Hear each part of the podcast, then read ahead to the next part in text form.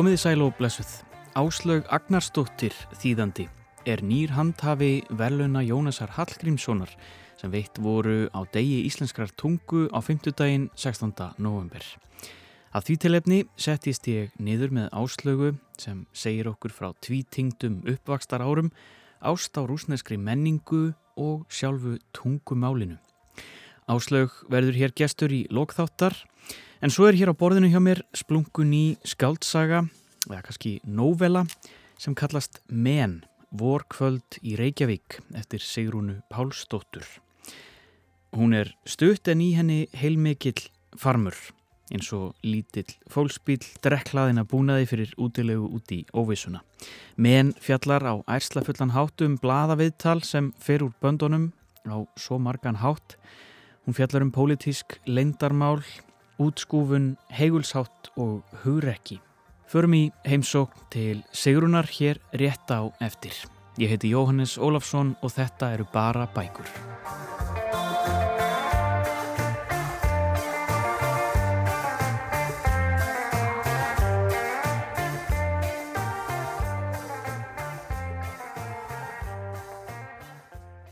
Áður en við kíkjum til Sigrúnar ætlum við að skjótast vestur um haf því nú í vikunni bárust tíðindi bandarísku bókmentavelunin The National Book Award voru afhend í 70. og 4. sinn við ægilega fína gala aðtöfn í New York. Thank you. Thank you so much for that warm welcome and welcome everyone to the 74th National Book Awards. Yes. Segja má að þetta séu stærstu bókmyndaveluninn þar í landi á samt Pulitzer velununum. Þau eru rótgróin, fyrst veitt árið 1936 og nokkurt megin árlega allar göttur síðan.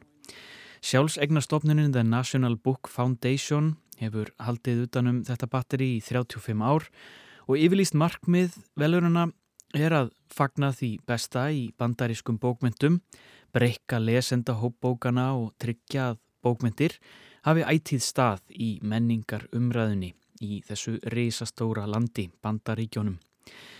Verlunaflokkarnir eru fimm, það eru skáldsögur, óskáldað efni, barna og ungmennabækur, ljóð og þýðingar. Í ljóðaflokki var það bókin From Unincorporated Territory, Omot, eftir Craig Santos Pérez, Barnabókin A First Time for Everything eftir Dan Santat var velunnið í sínuflokki og besta þýttabókin var The Words That Remain eftir Stenjo Gardel þýtt úr portugalsku af Bruna Dantas Lobato. The finalists for the 2023 National Book Award for Fiction are Nana Kwame Jebrenya Það eru Bækurnar í skáldsagna og óskáldaða floknum sem vekja yðurlega mesta aðtegli þarf svo sem ekki að koma á óvart. Sá sem hampaði velurunum í óskáldaða floknum í ár er sakfræðingurinn Ned Blackhawk sem fekk velun fyrir The Rediscovery of America, stórt og mikið sakfræði verkum blóði drifna sögu frumbyggja Ameríku. Og velunahafinn í skáldsagna-floknum var Justin Torres frá Los Angeles fyrir skáldsöguna sína Blackouts. And this year's National Book Award for Fiction goes to Blackouts by Justin Torres. Og það var loka ræða hans, ræða Justin Torres sem vakti langmesta aðtikli því eftir að hafa þakkað sínum nánustu og fólki úr bókabransanum þá sagði hann að flutt yrði stutt yfirlýsing og kallaði Torres alla þá tilnemdu höfunda á háttíðinni upp á svið sem stuttu yfirlýsinguna. Hann fekk svo Alía Bælal sem var meðal þeirra tilnemdu til þess að lesa yfirlýsinguna. 20 af 25 tilnemdum höfundum stóðu á sviðinu þegar Bælal las þessi orð. On behalf of the finalists, we oppose the ongoing bombardment of Gaza and call for a humanitarian ceasefire Fyrir hönd tilnemdra höfunda mótmælum við stöðugum sprengju árásum á Gaza og köllum eftir mannúðar vopnarlíi til þess að bræðast við brítni neyð sem palestinskir borgarar búa við, sérilega í börn. Við mótmælum geðinga andúð og andpalestinskri afstöðu og múslima andúð til japs. Við viljum mannúð og reist fyrir alla, vitandi það að frekari blóðsúthellingar gera ekkert til þess að tryggja varanlegan frið á svæðinu. Knowing that further bloodshed does nothing to secure lasting peace in the region. Thank you. Svo mörg voru þau orð af veluna afhendingu The National Book Award en við ætlum að snúa aftur hingað heim. Sigrún Pálsdóttir var að senda frá sér nýja skáltsugu þá fjórðu í rauðinni. Hún hefur hlotið mikið lof fyrir sínar bækur, það hafa hingað til verið sögulegar skáltsugur eða innblásnar af fortíðinni í það minsta sem er kannski skiljanlegt þar sem Sigrún er jú sakfræðingur. En menn vor kvöld í Reykjavík, hennar nýjasta bók, gerist í samtímanum.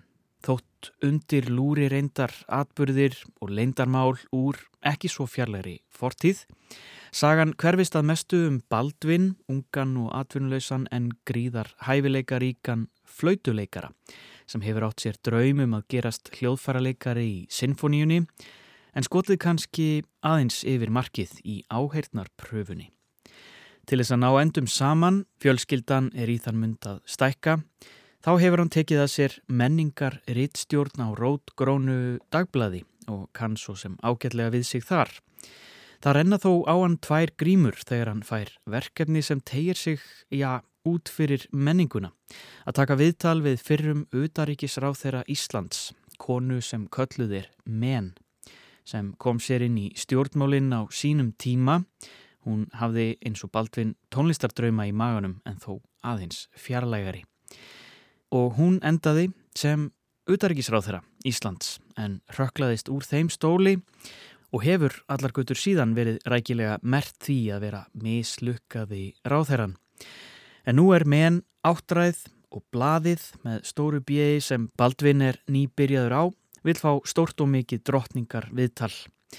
Það fer þó ekki eins og áhorðist og Baldvin endar í einhvers konar skúmaskoti þar sem leindarmál og pelsar eru geimtir. Segjum ekki meir um það því ég er á leiðin að hitta Sigrunu Pálsdóttur og fá frá henni einhver sör við því um hvað þessi saga er.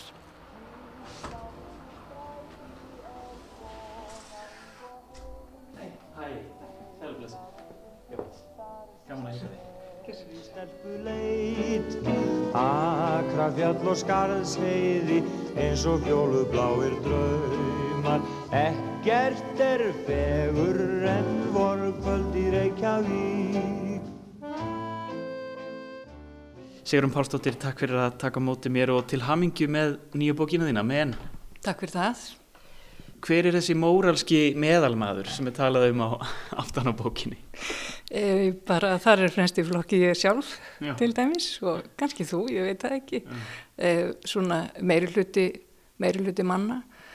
En þessi móralski meðalmaður hans sem sagt baráttu andi og hans hugssjónir er ekkit minna virði þó ég taki svona til orða þar sem ég á í rauninni við er að það þarf svolítið mikið sko við höfum okkar hugssjónir en hvað þarf til að við sko rýsum upp og eins og kemur þarna fram í bókinu á svona nokkrum stöðum að það á þetta oft rætur að rekja til eitthvað sem snertur okkur persónulega. Já. Og kannski ekkit alltaf einhvern veginn uh, augljósa leiðir út úr þessu eða hvað, hvað við ætlum að gera í því að, að hérna vera Já, að vera sko, þessa já ég, sko ég veit ekki, það er þarna í það mesta tvö dæmið þarna í bókinu þar sem, e, þar sem ungir drengir er að grýta hús stjórnmálamanns Já, í nafni fríðar en svo býr önnur, önnur saga baki. Og Baldvin hefur sínar hugssjónir en hann rýs ekki upp fyrir en hann er verður sem sagt er lítil lagður í lokbókarinnar. sko þetta er þetta er stutt bók, þú ert nú vöna að skrifa uh, bækur svona í, í, í þessari lengd en hún er mjög þétt pökkuð af uh, alls konar hugmyndum og, og, og uh, miklum beigjum og svegjum, það er mikið um svona plott vendingar kannski svolítið erfitt að tala um hana að einhver leiti uh, út af því. En uh, hvernig, uh, kannski að byrja að ræða bara svona mannin sem þetta svona byrjar allt á það er þessi Baldvin Einarsson aðal sögu hittjar, um hvað er þessi bók? Sko hún er um, já sko hún segir frá Baldvin Einarssoni og þessu verkefni hans. Og þú veist að aftan á bókakápum er alltaf er kannski sögu þráðurinn stöðlega rakin mm. og síðan kemur þessi klausa þar sem er svona einhver niðursuða um um hvað bókin fjallar mm -hmm. bókum minningar, gleimsku og svo framins þekkjum þetta öll og ég hef svona þannig séð svona pínlið reynd að forðast þetta já, ég já. gerði það ekki núna vegna þess að mér fannst bara mikilvægt mér fannst hún fjalla um svo margt en mér langaði til að ramma þetta inn mm -hmm. með, með hugrekkið og, og hinn moralska meðalmann Já. og líka þetta, þetta þessa leita ljósi mm. því að mér þetta svolítið skemmtilegt að geta sagt að, að þetta er í rauninni leita ljósi í óeinleir merkingu eða yfirfærdir merkingu ja. en svo líka í bókstallegri merkingu akkurat. og það er náttúrulega, við getum ekki upplýst það hér Nei, akkurat um, en þetta er náttúrulega margrata saga, við fáum einsýn í, í personur svona, í, í kringum Baldvin, það eru fjölskyldu meðlimir, það er eh, konan hans, það er uh, já, fólk hann í kring og, og við svona fáum að fylgjast með uh, því sem er að gerast í kringum atburð sem að er fremur undarlegur uh, þar sem að hann er sendur að taka viðtal, hann er sem sagt gerist menningablaðamæður en er samt tónlistamæður mentaður tónlistamæður í grunninn og vill verða vill vera tónlistamæður, er það ekki? Jú, hann, hann, það, það er hans hérna, það er hans svona langt í uh, hans markmið en, en þetta þurfa þetta allir listamenn að gera ekki bara á Íslandi þurfa að vinna eitthvað mm -hmm. kannski tíanbundið mm -hmm. og hérna, já Og hann fyrir að vinna hjá bladi sem að bladið sem að er nú ekki beint svona eitthvað sem að hann hefði sóst eftir, þetta er svona hann hans skoðanir getur mögulega eitthvað uh, svona stangast á og, og slíkt og svona sendur í þetta verkefni sem nú ekki beint uh, menningar tengt uh, viðtal við þennan fyrrum utaríkis ráð þeirra. Ég er hér með svo litið verkefni handaður. Verkefni sem mun ekki takaði langan tíma en er þó ansir hreint vandarsamt. Svo vandarsamt reyndar að ég treysti þér einum hér á blaðinu fyrir því. Baldvin gerði sig hissa en reyðstjórn leitt undan, horði á tölvuskjáin fyrir framann sig og strauk grönnum fingrunum nýður eftir langri perlufesti framann á rjómalitari silkiskirtunni um leið og hún nefndi nafn úr svo ösku grári forneskju að það komi svo kaldur gustur á vanga hans.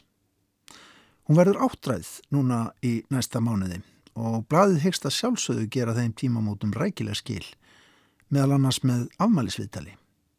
Baldvin losaði um trefilinn, skældi sig og saðist ekki alveg vita hvað hann væri að fara. Hún svaraði því með breyðu brosi og langrið þögn og neytti þannig upp úr honum orðin Ég reð mig hingað sem menningarriðstjóra. Ég er reynlega ekki vissum að ég sé rétti maðurinn til að leysa þetta verkefni. En þaði konan. Pýrði lítil augu sín og gaf þannig aftur til kynna að ef til vill þekkti hún hann betur en hann gerði sjálfur. Hann horfi niður fyrir sig, hristi höfuðið og hjælta áfram. Ég er líka rættur um að ég hafi aðeins ofsterkar skoðanir á henni, þú skilur, og kannski ekki mjög jákvæðar. Þannig, ég bara reynlega treysti mér ekki til að ganga frá þessu eins og mér heyrist að þið viljið að ég geri. Reitstjórin hallaði sér aftur í sætinu, krosslaði handleikina og setti upp brós hins mikla en staðfasta yfirvalds. Blaðamenn eiga ekki að láta pólitískar skoðanir flækjast fyrir sér. Hver er menn? Menn er, uh, þetta er sem sagt uppástafir uh, þessar konu, þessar ráþera. Hún heitir Mjöll Elinbjörg Njálsdóttir og uh, hún er verða áttræð og þetta er svona eins konar amælisviðtal á að vera svona drottningar við það já, já. Og þó að hann sé kannski hann svona fer getur sagt hugdjarfur af stað með eitthvað spurningar. Mm. en það reynir svo sem aldrei á það þó hann finni heldur betur sannleikan en, en hún, hann kemur ekki frá henni sko. Nei. en hérna og hún er í rauninni sko persóna, hún er ekki persóna í sagt, rauntíma sögunar eða innri tíma eða hvað, hvað sem maður kallar það hún byrtist okkur svolítið með öðrum hætti, hún byrtist okkur úr, úr sagt, svona, ekki svo fjarlæri fortíð í Já. gegnum annars konar, uh, já, bara um gegnum texta, getur við sagt. Já. Já. Við fáum ekki beinlýnis að kynnast henni. Nei, við fáum ekki að, að hérna, ekki, ekki á þess inn í, í hinnu eiginlega sögursviði. En s- eh, sko, þessi fundur þeirra, sem er nú ekki langur reynist vera, um, hann er samt ákveðin speilmynd af því að hún um, er þessi umdeildi ráþeirra sem að rökklast úr embætti og er bara vanhæf í sínu starfi, en kemst í þetta eh, með, já, ákveðnum leiðum. Um, þau eru svolítið speilmynd af hvort öðru. Þau eru bæði svona eh, sko, tónlistafólk sem að kannski enduð á stað sem þau höfðu ekki beilinnis viljað velja sjálf. Já, en kannski svona býstna ólíkan, ólíkan hátt, sko, hérna, Baldvin er, er hæfileikaríkur, það er bara heimur tónlistarinnar er, er svo harður.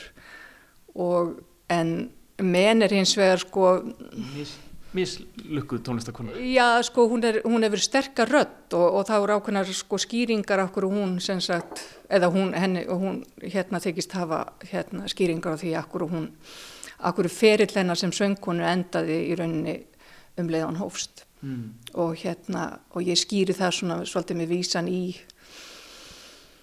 vinstirpolítík á Íslandi og, og svo gegn svona meiri íhaldsamari öflum sem að hún verður svo hluti að.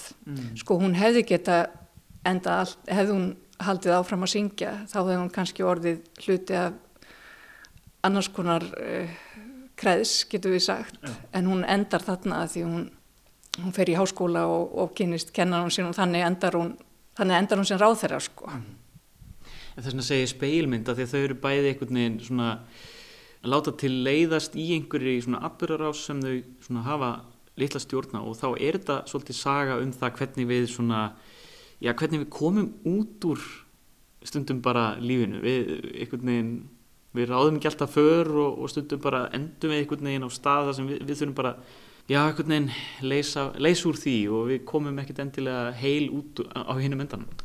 Nei, nei, það er bara, ég hugsa að allir kannast í það og meðal annars ég, ég hérna, en mér tókst að snú aftur sem sagt tilbaka til þess sem ég ætlaði sem sagt að uppaflega gera, að, að vera sagt skálsagnarhöfundur. Þannig að, að við þekkjum þetta öll sko að, að rótt tilviljanir sem bara ráða því hvar maður, hvar maður endar. Já, og ég held sko, ég hugsa bara, þó ég vil nú ekki tala ómikið um pólitík í sambandi við þessa bók, að þá, þá er það oft sko, þú veist, hvar þú endar.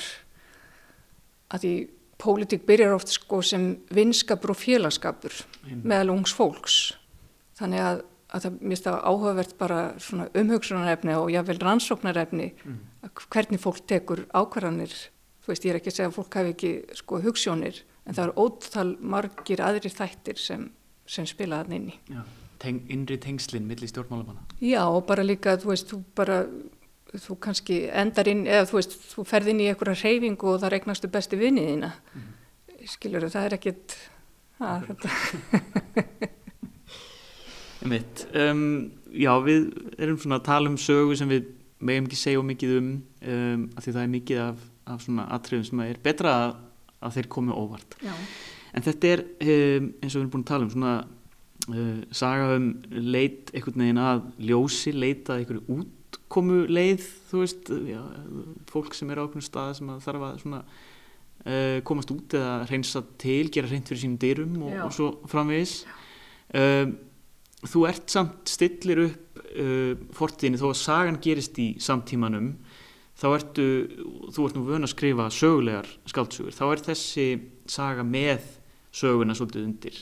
Þannig að sagfræðingurinn er alltaf skamt undan hjá þér Já, að reynda svolítið, sko, það er bara mjög nálægð fortíð, sem sagt aftur til 2001 sem er nú alltaf, sko, saga en... en þurfum ekki að gera of mikla Já. fortíð úr því En, en samt sem áður, það sem skiptir þarna máli að ég er, og ég held bara í öllum mínum bókum, öllum mínum skáldsögum, eða fjórum skáldsögum, að þá bý ég til heimildir. Það er ég bara, þú veist, ég áttaði mig alltaf á þessu bara núna, að ég alltaf bý til einhverjar sögulegar heimildur, ég veit ekki hvort þetta er bara frá því maður var að rannsaka og maður var alltaf að leitaði einhverju og það var svo gaman að finna eitthvað óvænt og þannig ég, mér finnst það mjög skemmtilegt, mér finnst mjög gaman að, að já, skapa og bú, dykta upp Já. sögulegar heimildir. Er það eh, svona kunnuleg, kunnulegu hluti af uh, sakfræði rannsókn að einhvern veginn vilja kannski fylla upp í einhverjar eyður eða les, lesa milli línana? Já, það er náttúrulega það sem það snýst oftast um vegna þess að, að þú hefur eiginlega aldrei hérna allt sem þú þart, sko, þú veist, þannig að, að þess vegna erum við að tólka og setja, setja í samhengi. En það sem að hann er að fást við í þessum undarlega aðstæðum er líka svolítið svona, eins og segir, já, metafóra fyrir líka svona bara hvernig við vinnum úr fortíðinni og hvernig, já, þetta er pínu eins og sakfræðingar vinna, við erum, við erum svolítið með bara í myrkrinu að, að leita að einhverjum, hinum á þessum skjölum til að fá einhverja heildarmynd og það Já. er það sem hann, hann kemst að fortíðinni í gegnum einhver, einhver svona krókaleðir. Já, þarna sko að því uh, oft þegar er í skáldskap sem fjalla um sko heimildir þá er, þá er myrkrið einhvern veginn þannig að eitthvað er tínt, eitthvað er óskýrt, það vantar blaðsíðu. Þú veist, við þekkjum þetta bara úr ýmsum skáldsögum, það eitthvað skilst ekki út af samhengi. En þarna er Baldvin hreinlega með gögnin í höndunum Já. allt sem hann vildi vita en hann getur ekki lesið þau Því hann getur eiginlega ekki notað þig. Nei, því hann er í myrkri en hann, hann þarf að finna út úr hann þarf að finna, finna út úr því Þú ert svolítið gjörn á að fjallum í þessum, þessum sögum svona, eh, svona ne neyðarleg augnablík í, í hversteginum og í þessari bók er það svona að í þessi svona hverstagslu móment eins og lýsir þarna þegar maður hittir manneski í búð og svo hittir maður aftur Já. tveim myndir setna og þarf einhvern veginn að díla við það og ég heilsinni aftur og, og svo framvegis um, þarna er líka svona svolítið stærri og svona mjög vandræðilegt augnablík og, og svona aðstæður sem að aðal persónum þannig að Baldvin er, er komin í. Um, hvað er svona skemmtilegt við að vinna með þennan efni við? Þetta, þetta, svona, þetta skrítna og vandræðilega í, í tilvörunni í, Sko ég sko upphæðlega ætlaði ég að skrifa bara hreinlega um þetta viðtal. Þetta átti bara að verða hérna svona um, stjórnmála svona Þú ætlaðir að byrta viðtalið Ég ætlaði að byrja, já þetta átti að verða eitthvað uppgjör sko. Það var, það var það sem ég sá fyrir mér en svo einhvern veginn breyttist þetta úr þessu svona stjórnmára heimsbyggilega viðtali yfir í svona að, að, að ég sá bara ekki hvernig það einhvern veginn myndi, myndi ganga upp svo ég senda hann á salernið og þar breytist þessi saga í svona svona hálgerða svona svona svolítið æsilega metafóru myndi ég segja Já. Og ég, það er náttúrulega gerast hlutir þarna en þeir eru alveg, þetta er allt innan þetta er auðvitað með ólíkindum en þetta er allt innan svona raunsægis eh, innan hinnar raunsægislegu frásagnar getur við sagt Já. það er engin fantasi og það er ekkert það er ekkert súrealist við þetta heldur þar og svo heldur því til laga Já, en, en fólk myndi lýsa þessu sem súrealískum aðstæðum að því að þetta er fólk, náttúrulega fólk, te- fólk nota mjög mikið súrealist þetta, er alveg farið að fjarlæðast hérna, sem sagt uppalega, hugtækið. Já. En nei, maður veit ekki, maður er bara, þú veist, þegar, þú veist, það er bara rosa margir rítuhundar, maður er alltaf að vinna með þetta, að tegja, sem sagt, raun, svona, tegja ramma hennar raunverulegu, eða raunsæðislegu frásagnar svona eins langt út og maður, maður getur. Já. og að því maður er alltaf að vinna í þessu, ég veit ekki, maður er svona að reyna að koma sér fyrir á mörgum þar sem er kunnulegt og þar sem er framandi, þú veist, þetta er, þetta er svona kjörlendi skáldskaparinn sem allir er að reyna eitthvað neina að koma sér fyrir á því þar gerast, þar gerist þetta allt saman, þar, þar finnur þetta undur sem er bara svo, sem maður er alltaf að reyna að ná, í það minnst að ég, Mm. að því það er það sem skilgreinir skáldskapin, sko, svolítið fyrir mér. Sigrun Pálsdóttir, takk kærlega fyrir uh, að taka mótið mér og til að hafa mikið aftur með bókina. Takk fyrir mig. Ekkert er fegur en voru kvöld í Reykjavík Við kveðjum Sigrunu Pálsdóttur rithöfund og höldum aftur út í november svalan, Marx vísari um bókina Men en þó ekki of. Þarna í myrkum skúmaskotum bókarinnar leynist jú margt sem lýsist ekki upp nema við lestur. En næst ætlum við að fá góðan gest í heimsókn. Áslaug Agnarsdóttir þýðandi hlaut á degi íslenskrar tungu verðlaun Jónasar Hallgrímssonar. Verðlaunin hlaut Áslaug fyrir sitt ómetanlega þýðingarstarf. Á undanförnum árum hefur hún fært Íslandingum ljóð og sögur af rúsnesku í snildar þýðingum og reyndar öðrum málum líka. Meðal höfunda sem hún hefur fengist við eru Lev Tolstói, Alexander Puskin, Fjodor Dostojevski og ljóðskaldið Marina Tsvetajeva.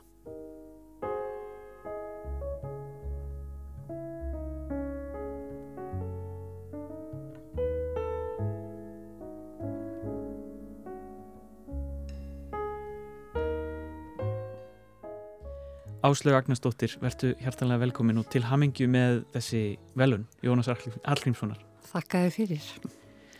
Það er nú svona freistand að spyrja bara og kannski er það heppilega, heppilegasta orðið, hvaða þýðingu þessi, þessi velun hafa og, og hver, hver þín svona fyrstu viðbröð voru?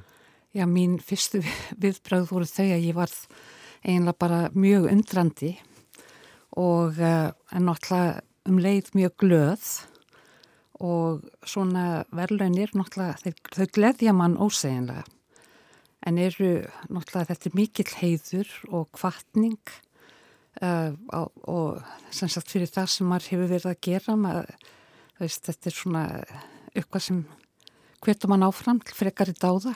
Mm, Akkurat. Og þú, er búin að vera að sísla í bókum árum saman og, og verið að þýða og, og svona Mér langar kannski bara byrja bara á tungumálunu. Áttu eitthvað svona skýrar minningar af já, íslenskri tungu að því þessi velun náttúrulega snúast um, snúast um það? Já, ég náttúrulega, sko, ég er alveg upp Erlendis sem barn og bjó bæði í Englandi og Fraklandi. Þar til ég var komin á 12 ár, þannig að ég ólst upp, sko, það var náttúrulega íslenska, tölu íslenska á heimilinu, en ég var í mest í ennskumælandi umhverfi. Mm og gekk í barnaskóla í Englandi og svo aftur í amerískum, í ameríska skólan í París og Já. þar var náttúrulega tölviðanska. Þannig að hérna mínar fyrstu minningar um íslensku er að fóreldrar okkar sískina voru alltaf að reyna að passa upp á að við mistum ekki niður íslenskuna að við gætum tjáð okkur á íslensku. Já, hvernig og, var það gert? Já, pappi til dæmi sko alltaf þegar við komum heim í frí sem var nú ekki á hverju ári en þá fór hann upp í ríkisútgáfi námsbóka og kefti þessi litlu hefti sem voru þá gefin út Já. um Íslandsögu og þetta var bækur sem voru lesnað í skólum Já. og hann var að lesa þetta með okkur og fyrir okkur og, og svo las hann hérna getnan upp úr þjóðsögum Jóns Árnarssonar á kvöldin þannig að pappi náttúrulega hann var mjög vel máli farinn og hann skrifaði mikið sjálfur og uh, hún var svo umhugað um að við sem sagt töluðum góða íslensku. Já. en það gekk ekkit alltaf sko nógu vel vegna þess að við vorum í, í þessu ennskumælandi ennskumælandi umhverfi. Og uh, við sískininn til dæmis töluðum saman á ennsku þegar við vorum lítil. Já, það? Já. Og ekki bara í skólanum heldur? Heima líka. Líka heima. Já, en alltaf íslensku við fóreldur okkar. Já. Þannig að þetta var svona tvítingt umhverfi. Það var svolítið tvítingt ymmit og hérna En svo þegar við fluttum heim þá heldum við svolítið áfram að tala ennsku sískininn í svolítinn tíma en svo náttúrulega fór það af og breyttist fljótlega. Já. En ég man að þegar ég byrjaði í skóla þá átti ég svolítið erfitt með sérstaklega stafsetningu og annað slíkt mm. af því ég hafði svo lítið lesið á íslensku. Já. Við lásum líka aðalega ennskar barnabækur. Þannig að ég man að í fyrsta stafsetningastilnum sem ég skrifaði upp eftir upplest við kennara Já þá gerði ég 26-7 villur og þannig að það þurfti nú að aldils að taka á sko, já, og, ég, og pappi þurfti að fá okkur til að lesa, hann vildi fá okkur til að lesa á íslensku já. og hann greip þess ráðs að, að segjast alltaf að borga mér einni eyri fyrir hverja blaðsíðu sem ég læsi á íslensku. Á íslensku? Já, já. og þá man ég, ég tók sölguvölgu og las hana og fekk 5 krónur greitar, heilar 5 krónur og svo var það bara búið, svo þurfti ekki að borga mér meir vegna þess að svo held ég bara áfram að lesa á íslensku. Og kviknaði ást á, bókmyndum strax þegar þú varst að lesa þessar bækur hérna á ennsku eða var, var það þessi svona svolítið ægi sem að, í lestri? Að... Nei, nei, ég var, sko, ég var mikill lestararhestur og við all sískininu, við lágum mikið í bókum og lásum og um leiðum maður kom heim þá fór maður að, fórum við að byrja að lesa á íslensku. Náttúrulega, þurftum að gera það fyrir skólan og heldum náttúrulega áfram að lesa bækur á ennsku Já. en íslenskan var að taka yfir, tók yfir smám saman, hún gerði það. Og mannstu, mannstu eftir einhverjum svona bókum sem að vöktu svona fyrstu svona bóka, fyrstu bóka ástina? Já, það voru náttúrulega barnabækur. Uh, við lásum mjög mikið Ínir Blæton á þessum árum. Og um, hvað, já, ég var líka mjög hrifin af svona ævintýrabókum um frá að hött og ævintýri Artúrs konungs og ímislegt svona sem ég las ef ég komst yfir það og ein bók sem var mjög mikið í uppáhaldi hjá mér og heitir A Tree Grows in Brooklyn eftir Betty Smith. Ég las hana aftur og aftur og aftur og held mikið upp á hana. Já. En svo þegar ég fór að lesa íslenska bækur þá það voru nú einlega bara öðruvísi bækur. Ég man að þegar ég, ég var í miðbæjaskólanum semst fyrstu árin eftir ég kom heim mm. og þar gekk, gengu hefti með Basil Fursta Já. um bekkin Já, ég og ég las, ég las þessi hefti, hafði gaman af og svo, svo las ég bara allt mögulegt, allt mögulegt sem var til á heimilinu. Byrjaði strax að lesa bara fljótlega fullarins bækur og þú helst, helst þessu bara við og, og last áfram og já. hvert lág svo leiðin svona í, í, í bókmyndunum? Og... Já, svo lág leiðin sko í svona meiri svona klassiska bókmyndir svolítið mm. og ég las, til dæmis á mentaskóla árunum þá las ég mjög mikið líka af svona betri bókmyndum eins og það heitir sko já. og dætt þá alveg ofan í þessa rúsnesku höfunda. Já, það var bara þá? Það var þá, já. já, og þá las ég allt sem ég komst yfir já og þá hafði nú ekki verið mjög mikið þýtt en samt eitthvað og ég las þessa bækur á ennsku. Þú fannst ennskar þýðingar það? Já, já, ég las ennskar þýðingar. Hvar fannstu þær? Ég ætla dæmis í ennsku bókabúðinni á bókasafnum og um, svo áttu fóreldra mínu líka mikið bókasafn bæði á ennsku og íslensku.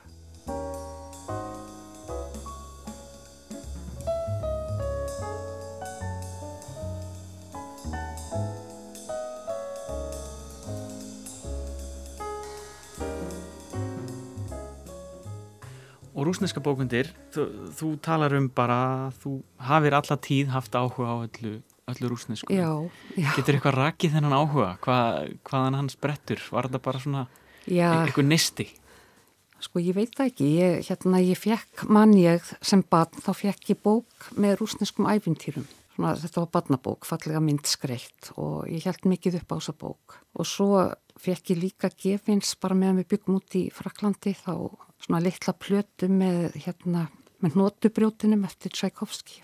Það fannst mér afskaplega gaman að hlusta, falleg tónlist, gaman að hlusta á hana. Ungur neginn þessi rúsneski menningarheimur, hann höfðaði strax til mín og svo þegar ég fór að lesa þessa höfunda, 19. aldar höfunda og líka 20. aldar höfunda, þá, þá fannst mér þeir bara svo afspilnu góðir. Ég, ég bara sökti mér onni þessa bókmyndir. Já og Mikið. þá vaknaði líka hjá mér sko löngun til að læra rúsnesku í kjálfarið. Og, og hvernig var það? Hvar, hvar fer með það að læra rúsnesku? Þarna? Já, ég byrjaði bara á því að, að hérna, ég egnaðist kennslubók í rúsnesku og byrjaði á því að kenna sjálfur mér stafrófið nokkrum sinnum, glemdi því jafnóðum aftur. Uh. En uh, svo fór ég til Noregs og þar var hægt að byrja í rúsnesku sem sagt í háskólanum þar þá var hægt að læra rúsnesku alveg fyrir byrjandur, semst frá upphafi. Mm. Þannig ég skráði mig í það nám og tók á endanum próf þar og laukantmagprófi og svo sótt ég um og fekk styrk til að fara til Rúslands. Frá Nóri? Frá Nóri. Þetta var íslensku styrkur en ég fór frá Nóri, strax eftir námi þar. Já. Og hvert og fórstu? Ég fór til Moskvu Já. og ég fekk tíu mánuða styrk og var þar í, í háskólanum í Moskvu að læra rúsnesku. Hvenar komstu til Moskvu? Þetta var veturinn 75-76, þannig að langt síðan.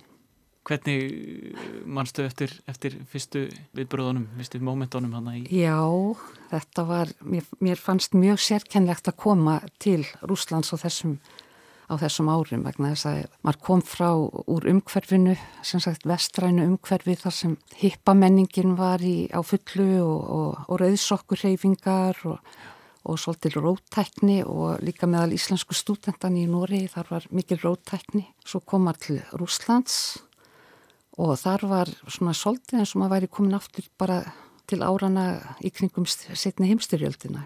Það var hérna klæðaburðurinn, konur voru í kjólum, pilsum með túperað hár og mikið málaðar sem var einhvern veginn allt öðruvísi heldur en ungt fólk í, í Noregi á þessum árum. Og engin í uppreist? Engin í uppreist og svo fannst manni líka bara eins og þeir sem voru til dæmis svona ungt fólk sem var svona pólitíst kannski bara sko aðhyldist svona já, kommunismannum. Það var, það myndi svolítið á, á fólki heimdalli hérna heima. Það var svona einhvern veginn bara allt öðru vísi mm. og fólkið sem var um, róttækt á Vesturlandum, það voru andófsmenn í, í Rúslandi þannig að þetta var svolítið svona öfugsnúið. Formerkinu svolítið? Já. Og kvolvi? Já. En fannstu strax eitthvað samsvöruna þegar þú varst náttúrulega búin að vera að lesa rúsneskar bókmyndir þarna aðalega á ennsku og svo þegar þú kemur þangað finnur þú sko sama áhuga fyrir þjóð, þjóðlífinu bara? Já, mér fannst sko þessi verður sem ég var þarna eða þessi tíu mánuðir vera algjörst æfintýri. Mm. Það var ég náttúrulega upplifiði þarna allt mögulegt sko við eignumst góða vini rúsneska og uh, ég þess að ég gifti mig þennan verður uh, rúsnesku manni þannig að ég svona ég, fó, ég kynnti svolítið svona rúsnesku samfélagi innanfrá. Og svo var ég náttúrulega minn aðal tilgangur þarna var að svona læra að tala verða svolítið góði að tala og skilja. Og hvernig gekk það? Jú, það gekk bara vel. Ótrúlega vel. Já. Og skildur einhvern veginn bókmentirna betur? Eða svona þemun og allt þetta sem, sem, sem liggur hérna undir, þetta er náttúrulega mest svona reysastórar, svona margrata skáldsögur sem, þú veist, rúsarnir eru þekkt, þekktastir fyrir. Uh, fannstu einhverja svona tengingu, skildur þú bækurna betur? Já, ég er ekki frá því að sko þegar maður gekk um göturnar í Moskva að maður fekk svona meiri tilfinningu fyrir bókmentunum sérstaklega þeim sem gerðist í stórborgunum.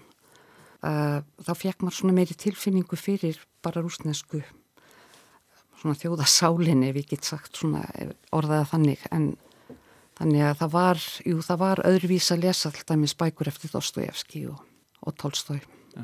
Það var það. Uh, varstu farin að hugsa um að, að leðast út í að þýða þetta allt saman? Eða, Nei, eða ég var setna? ekkert farin að hugsa um það. Nei. Ég var reyndar ekkert farin að hugsa um hvað ég myndi gera með þetta nám síðan meir sko. En svo þegar ég kom heim þá, þá fekk ég kennslu, mér bauðst eiginlega fljótlega kennsla upp í áskóla. En það var svona stundakennsla, fjóri tímar á viku. Þannig að ja, þannig ég stundaði það og svo, svo kom nú að því að, að hérna að mér bauðst, eða ég, það var hringt í mig frá fréttastofi Rúf og það var nú fljóta eftir Valdaráns til raunna 91 og ég beði um að koma á þýða fréttir. Já. Þá var Úslandi fréttum bara á hverju minnsta degi og ég var daglugur gestur upp á fréttastofu að þýða, þýða fréttir og svo fljótlega þá bauðs mér að þýða Dauðanum Örgessin eftir Andrei Kurkov. Hann hafði mm. samband við menn Snæbjörn Arngrímsson hjá Bjarti og, og spurði hvort ég vildi ekki þýða þessa bók og, sem hann vildi gefa út og þá sagði ég fyrst, nei ég hef engan tími í það af því að ég er, ég er í fullri vinnu og, og með fjölskyldu og, en þá hérna svo hitt ég hann aftur í jólabóði nokkur svolítið síðar og þá spurði hann mig aftur, já ég ætlar ekki að þýða þessa bók fyrir mig áslög og þá hafði ég verið að hugsa um að það væri gaman að bara sitja með texta og prófa að þýða í staðin fyrir að hlusta eins og ég ger alltaf upp á fréttastóði rúf þannig ég tók þetta af mér og það tóks bara vel held ég og hún seldist upp og þá var ég komin einhvern veginn bara á bræðið. Já, flægt inn í þetta. Já. En Kurkov, eh, hann er frá Úkrænu. Já, jú. En skrifar á rúsnesku. Já, hann skrifar á rúsnesku. Já. Og hann kom á bókmyndaháttíð 2005. Ymmitt. Og þá heldur nú margir hann væri rússi. Hann þurfti alltaf að vera leiðrétt að hann væri Úkrænu búi. Já, Já. hafa það alveg á reynu. Já, Já. hann lagði mikla áherslu á það. Og, og e, e, eru þá þýðingarnar þarna eftir þetta, er þetta, er þetta reglulegt, ertu, setur bara alltaf einhvern veginn við með ný og nýja bók eða hvernig, hvernig eru verkefnin valin? Já, Valdið ég- þú þau sjálf eða? Ég hef alltaf verið með eitthvað svona semst að vinnað einhverju og ég hef valið þær flestar sjálfar. Ég hef verið byðin um að þýða einu og eina bók sko, og eins og hérna hann Jakob hjá Yklu, hann baði mér um að þýða bók um Dostojevski, æfisugu Dostojevski og hann að þýtti úr ennsku. En annars hef ég valið sjálf svona meira að minna það sem ég hef þýtt Já, og bara farið með það til útgefenda og til aðtuga hvort þeir vildu gefa þetta út. sko þarna ertu náttúrulega búin að búa aðeins í, í Rúslandi eða Sovjetríkjónum um, og, og byrjuð að, að þýða um, fannstu þarna eitthvað svona, einhverja rödd þarna, einhverja brú þarna á milli uh, yfir á íslensku, var þetta auðvelt? Uh, nei, það var ekki auðvelt til að byrja með. Það var strempið og það tók mig heilt ára því það dauðan og mörgæsina. Um, gráar bíflugur sem kom út núna í vor. Ég var þrjá mánuða því það þá bók, hún er lengri. Já, Þannig að þetta náttúrulega, þetta er æfing og þjálfun.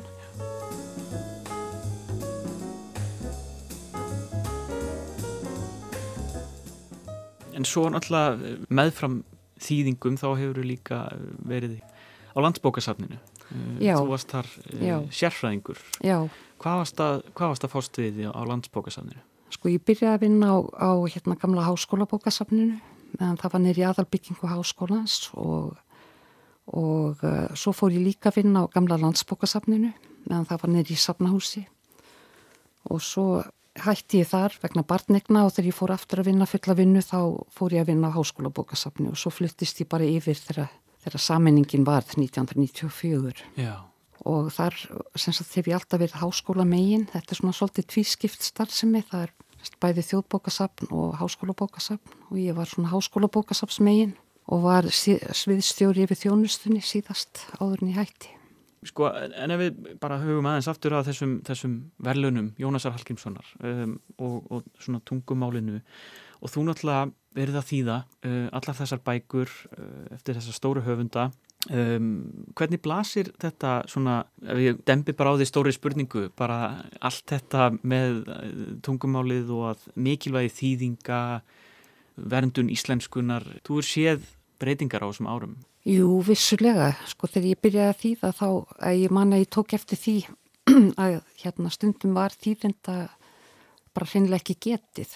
Þeir voru svona aukaðatriði. Bók kom út í þýðingu einhvers og sérstaklega í gamla daga þá voru nú sko verða að byrta smásögur og, og ímislegt annað efni í tímaritum og þá bara kom aldrei fram hver þýðandin var.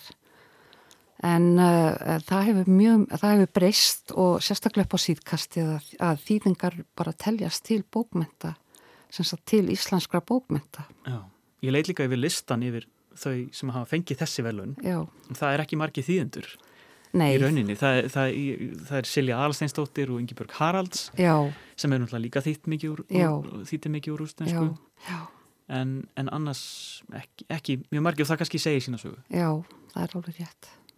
en við eigum ótrúlega margar þýðingar langt aftur og við, þú veist, þetta er reisastór hluti af bókmyndasögu já, það er það, er það og, og menn eru farnir að telja sem sagt þýðingar til íslenskra bókmenta núna alveg bara nánast eins og frumsamin verk. þýðingar hafa líka farið svolítið svona víðar. Uh, það er svona kannski meiri fjölbreytni í nú erum við að sjá þýðingar á, frá öðrum heimslutum og svona það er Já, það er mikil breyting sko því ég held að á tímabili þá voru aðalega gefnar út bækur frá enskum, enskumælandi löndum. En uh, dæmis núna er Angústúra forlag sem er að gefa út alla mögulega höfunda frá bara öllum heimsálfum og mjög áhugaverða bækur og þú veist, ég hef reynd að allavega þegar ég er að velja bækur sem að til að þýða, þá hef ég reynd að velja eitthvað sem mér finnst áhugavert og ég hef valið sem sagt til skipti svolítið sko 20. aldar höfunda og, og 19. aldar haft gaman á því að þýða sem sagt bæði stóru höfundana eins og Tolstói og Turgenev og, og Gogol og fleiri já, og svo líka 20. aldar höfunda eins og Harms, Daniel Harms og já Sergei Dovlatov sem að dimma gaf út bækur eftir hann.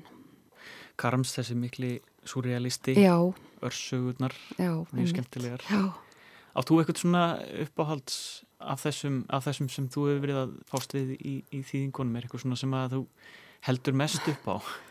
já, af 19. aldar höfundunum þá held ég kannski mest upp á Tolstói og svo af 20. aldar þá held ég, ég held að ég haldi mest upp á Sergei Dovlatov sem skrifaði, sem þar, ég hef þýtt tvær bækur eftir hann sem sagt ferðartöskuna og kona frá öðru landi. Hann er mikill humoristi og skemmtilega bækur. Hann, hann flutti til bandaríkjana og það gerast eiginlega þar í, í svona í nýlendu uh, rússa, semst í samfélagi rússa í New York. Það er mjög mikill humor í þeim. Já, sko hlutverk þýðinga er náttúrulega að færa hluta af menningarheimi, öðrum menningarheimi eh, yfir á, yfir færa heilan, heilan menningarheim. Þetta, er, þetta er mikið starf og, og, og hefur svona mm, já, mikla þýðingu fyrir uh, eins og örtungumál sérstaklega eins og, eins og íslensku. Sk- Sko skilur einhvern veginn til dæmis núna átökin sem hafa verið í núna tvö ár milli Úkrænu og, og, og Rúslands hvernig blasir þetta við þér? Já, það, það kom mér á óvart að, að Putin skildi ráðast inn í Ukrænu. Man finnst svona stríð vera einhvers konar tímaskekkja og ég hef mikla samúð með Ukrænu og, og eins og ég sagði þannig þakkar ávarpinu gær þá, þá er semst rúsneska svolítið á undanhaldi í Ukrænu, semst rúsnest tungumál vegna þess að þó það hafi verið svona móðumál kannski eins þriðja þriðja hluta íbúa í Úkrænu þá eru menn orðnið tregari til að tala rúsnesku eins og Kurkov sjálfur sko, hann hefur rúsneska er hans móðumál þó hans í Úkrænu búi. Og uh, hann hefur sagt að hann ætla ekki að skrifa neitt núna á rúsnesku meðan stríði varir. Mm. Og hann tjáir sig til dæmis á Facebook og svona, þar er það bara á ukrænsku. Já, einmitt, þannig að þetta er náttúrulega eins og, Þetta hefur áhrif, verulega áhrif á tungumál og bókmentir. já, og við náttúrulega vitum ekkert hvar þetta endar allt saman. Nei, nei, nei.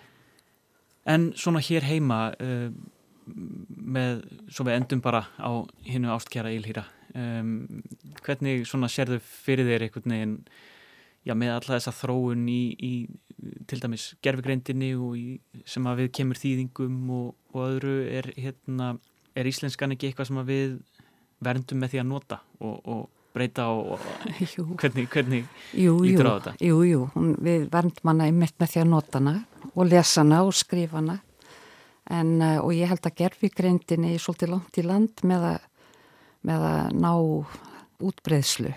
Ég held að, að mena, það er svo margt sem að ég held að gerfigreind muni eiga erfitt með eins og stíl, það er ákveðin stíl í bókmentum og hjá, hjá höfundum og, og þetta er einhvern veginn, sko ég hef séð dæmis þarna myndir, það var einn vinnu minn á landsbókasafni að var að setja myndir sem hann hafði beðið gerfigreind um að búa til um um að, atbyrði í Íslandsögunni og þar uh, náttúrulega gerfigreindin gerði sitt besta, voru alltaf einhver fjöll og íslenskir hestar en búningarnir voru til dæmis bara frá mið-Evrópu, fólki var klætt í allt, öðruvísi fött Mm. en ég held að sko þetta er, ég held allavega að gerfigreindin er mjög langt í land með að verða tæki sem að hægt er að nota almennt í þýðingum. það þarf mannshugan til að Já, við það leggja allavega að loka hönd á. Áslega Agnarsdóttir, kæra þakki fyrir komuna og til hamingi aftur með velunin. Takk sem leiðis.